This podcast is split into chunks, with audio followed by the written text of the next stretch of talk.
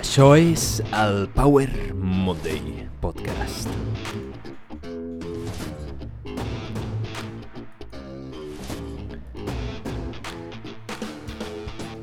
Benvinguts a Power Monday Podcast, soc en Pau, el teu apassionat de fitness, motivació i ciència. El món s'enfronta a molts desafiaments, a molts problemes, des de la pobresa fins la guerra, la fam i la malaltia. Molts problemes que hem de solucionar, però hi ha un problema que no només suposa una amenaça per si mateix, sinó que fa la resta dels altres problemes molt pitjors conegut com un megaproblema, que és el canvi climàtic. Avui et parlaré del canvi climàtic, per què hem arribat fins aquí, com, i també quines són les solucions, les 100 solucions més útils que tenim per lluitar contra el canvi climàtic. Així que som-hi. Com va dir Bill Gates una vegada, el canvi climàtic és un problema terrible i requereix absolutament ser solucionat ha de ser una prioritat. Es mereix ser la nostra prioritat número 1 com a espècie. I abans de començar vull que quedi una cosa ben, ben clara, i és que el canvi climàtic és una realitat, una realitat científica, i per aquells que pugueu pensar que el canvi climàtic és una teoria, no, és una realitat científica objectiva, tan certa com que existeix la gravetat. Tot i això, què ha produït el canvi climàtic i què és el que està passant? Què és això de l'emergència climàtica? Doncs bé, sé que tots estareu molt preocupats per al canvi climàtic i l'estat d'alarma al que estem vivint actualment, però el canvi climàtic no és un problema en si, sinó l'expressió del problema. El canvi climàtic és el feedback del sistema del planeta que ens diu el que està passant, i el que està passant és l'escalfament global, produïda per l'emissió de gasos d'efecte hivernacle derivats de la producció i l'activitat humana. A part d'això, el canvi climàtic no afecta només a la temperatura, sinó que ens afecta a tots i a totes les espècies que vivim en aquest planeta. Llavors, en aquest episodi parlaré sobretot de l'efecte de l'escalfament global derivat de la producció de gasos d'efecte hivernacle i no de l'impacte que té l'home en el planeta per si sol. Així que el canvi climàtic és el resultat dels canvis atmosfèrics naturals derivats de la intensa activitat humana que emet molts gasos d'efecte hivernacle. Per tant, aquesta intensitat en la que produïm gasos d'efecte hivernacle es deu al sistema que estem fent servir actualment, el sistema capitalista. I diràs, per què, Pau? Ara t'has posat comunista? No, simplement el sistema capitalista, que és el qual regeix actualment el món, ens porta a conseqüències, i una de les conseqüències és el canvi climàtic. Per què? Perquè el capitalisme i una de les seves principals característiques, el consumisme, ens porta a produir en massa. El principal motiu o objectiu del capitalisme és el d'obtenir beneficis, el de créixer. Però sobretot es centra en créixer a curt termini, ja que créixer a llarg termini amb els recursos finits, és a dir, limitats, que té el nostre planeta, porta inevitablement al desastre mediambiental, al desastre i al col·lapse del sistema per si sol. I sembla ser que és cap a on ens estem dirigint.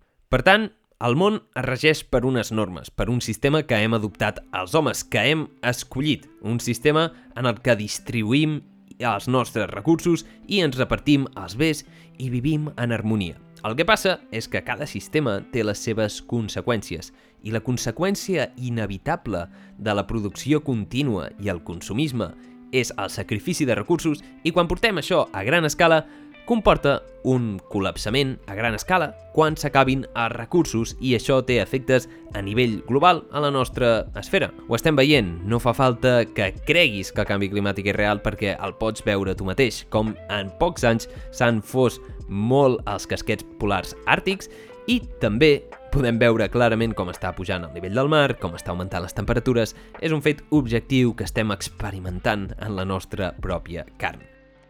Llavors diràs, i quins sistemes, Pau, proposes tu per solucionar aquest problema?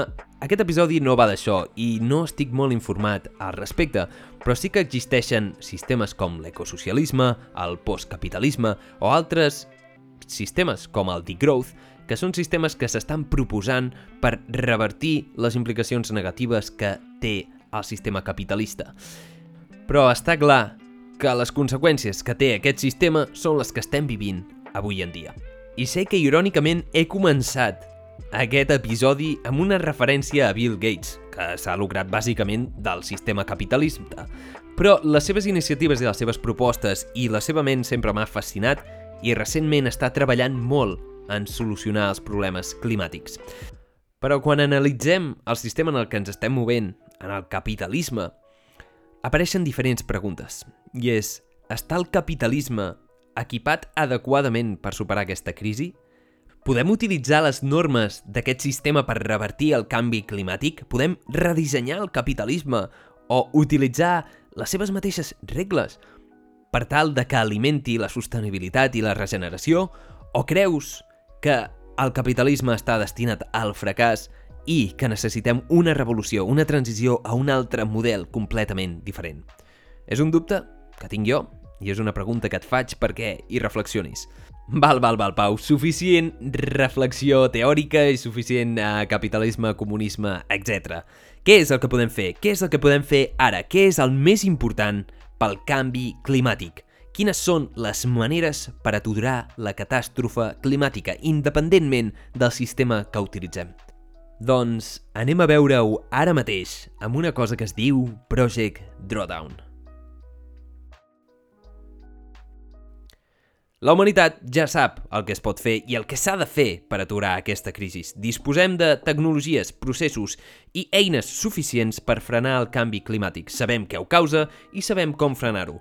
Però el que necessitem en realitat no són nous processos ni nous invents, sinó accelerar la implementació, accelerar la implementació de les tecnologies i els processos que sabem que realment funcionen.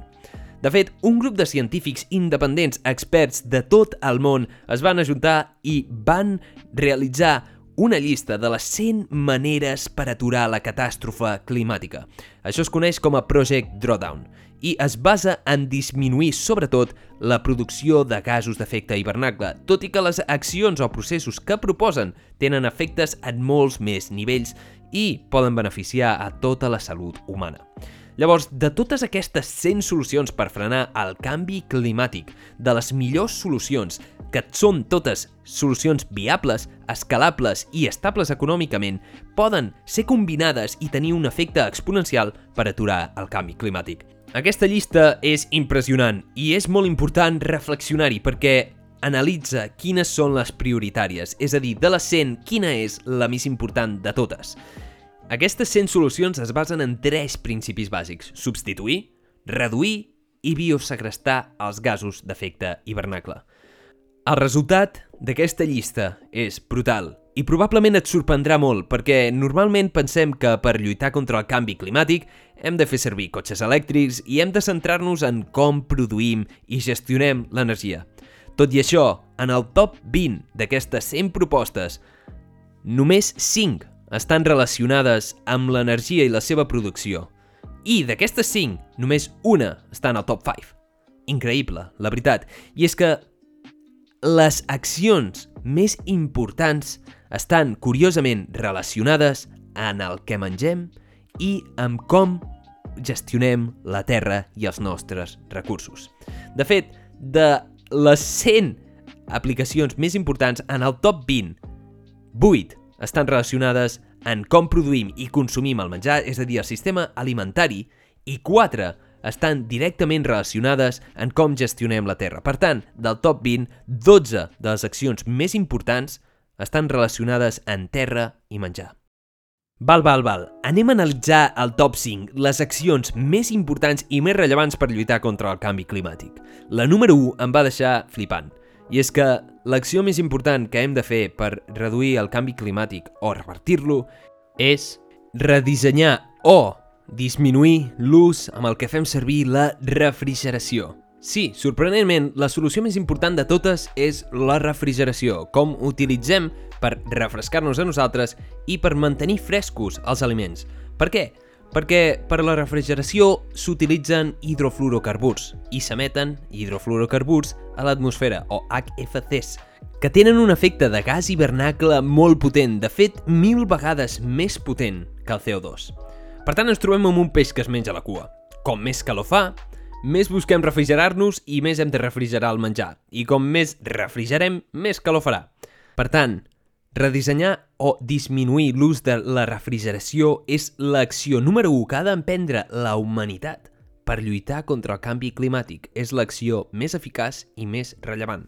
A mi em va sorprendre molt aquest fet i no m'ho esperava per res. No li havia donat mai tanta importància com se li pot donar, sobretot, per al canvi climàtic. En el segon lloc tenim reduir les despeses alimentàries. Sí, curiosament, gastem molt menjar, és a dir, en tirem molt.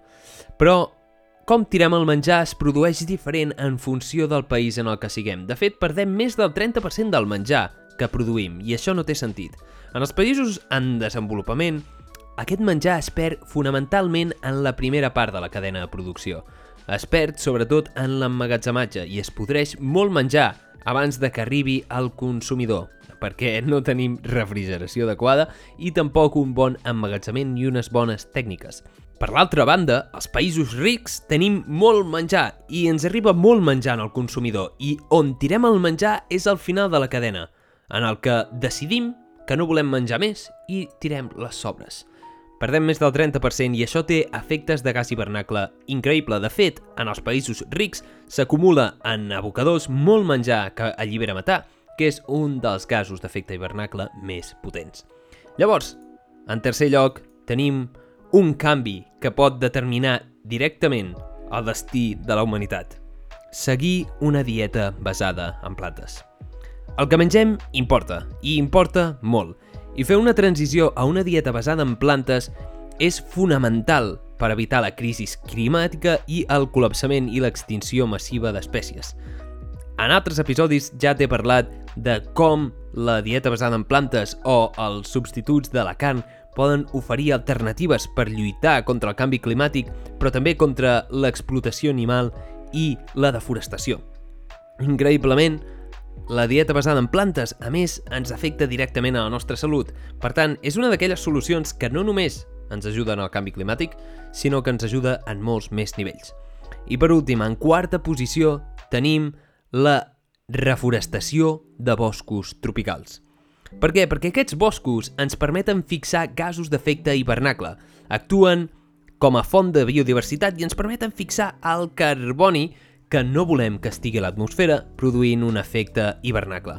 Per tant, necessitem produir més plantes a nivell global perquè fixin aquest carboni.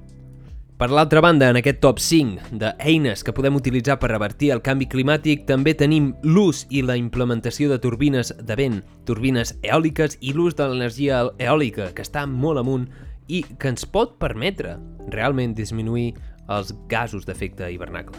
Aquestes són el top 5, però tot i això tenim moltes altres eines que són bastant rellevants també, com l'ús de certs tipus d'agricultura, agricultura regenerativa, el compostatge.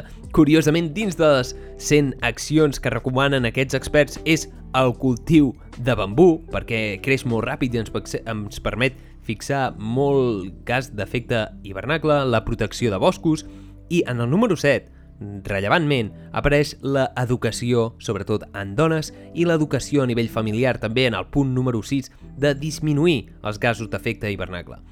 Tot això s'ha estudiat a través de tota la informació possible i amb molts científics experts en aquest tema. Però aquí ve l'interessant. Quan examinem el sistema alimentari en general i implementem totes les solucions de producció com la dieta basada en plantes, la producció de l'agricultura regenerativa, reduïm el malbaratament alimentari. La investigació demostra que podríem produir aliment amb les terres de cultiu actual per alimentar-nos no només a nosaltres, sinó a la població creixent del món amb una dieta rica en nutrients i saludable fins més enllà del 2050 sense requerir noves terres. Això significa que, en realitat, si apliquem aquestes eines no necessitem realment talar més arbres, no necessitem deforestar més boscos per produir més, perquè produïm més que suficient per la gent que som i la gent que serem. El problema actual no és la sobrepoblació, sinó un mal ús dels recursos juntament amb l'elevat consumisme. Per tant, és possible revertir el canvi climàtic? La resposta és que sí, però necessitem totes les solucions possibles – no hi ha panacees universals, sí que hi ha solucions que hauríem de prioritzar i solucions que sovint se'ns obliden, com la refrigeració, i tot i així estem prioritzant i posant molta atenció i recursos a produir cotxes elèctrics, que seria la solució número 25 d'aquesta llista. El més curiós és que haurien d'aplicar aquestes solucions encara que no existís el canvi climàtic, perquè aquestes solucions causen efectes en cadena que ens beneficien en el planeta, a la salut global i a totes les espècies que hi habiten, com per exemple adoptar una dieta basada en plantes. Hem de canviar d'un sistema inherentment explotador a un sistema regeneratiu. Per tant, crec que hem de modificar els nostres objectius a nivell global i centrar-nos, en comptes de a la sostenibilitat, anar cap a la regeneració, trobar un camí per solucionar i revertir el canvi climàtic que ens permeti viure en equilibri i en pau. Et recomano moltíssim que facis una ullada en aquesta llista de 100 accions que ens poden permetre revertir el canvi climàtic i recorda que n'hi han que són al top 5, al top 20, que són prioritàries i que tenen molt més impacte que d'altres, però totes tenen el seu paper i totes ens poden ajudar a aconseguir viure en un món millor. Això és tot per aquest episodi. Moltíssimes gràcies per haver escoltat aquest episodi. Espero que hagis après alguna cosa o t'hagi donat una mica de valor. Recorda, si t'ha agradat, si us plau, comparteix amb els teus amics, envia'm algun comentari a les xarxes socials i no t'oblidis de seguir-me a Spotify o qualsevol plataforma que em segueixis. Aquest episodi és molt important per mi i crec que és molt rellevant entendre que el canvi climàtic prové fonamentalment del sistema que estem aplicant l'humanitat, el capitalisme, i que les 100 solucions més importants es basen en tres principis bàsics. Substituir, reduir i biosegrestar els gasos d'efecte hivernacle. No oblidis prioritzar el que és més important i et desitjo una setmana èpica plena de creixement. Ens veiem en el pròxim episodi.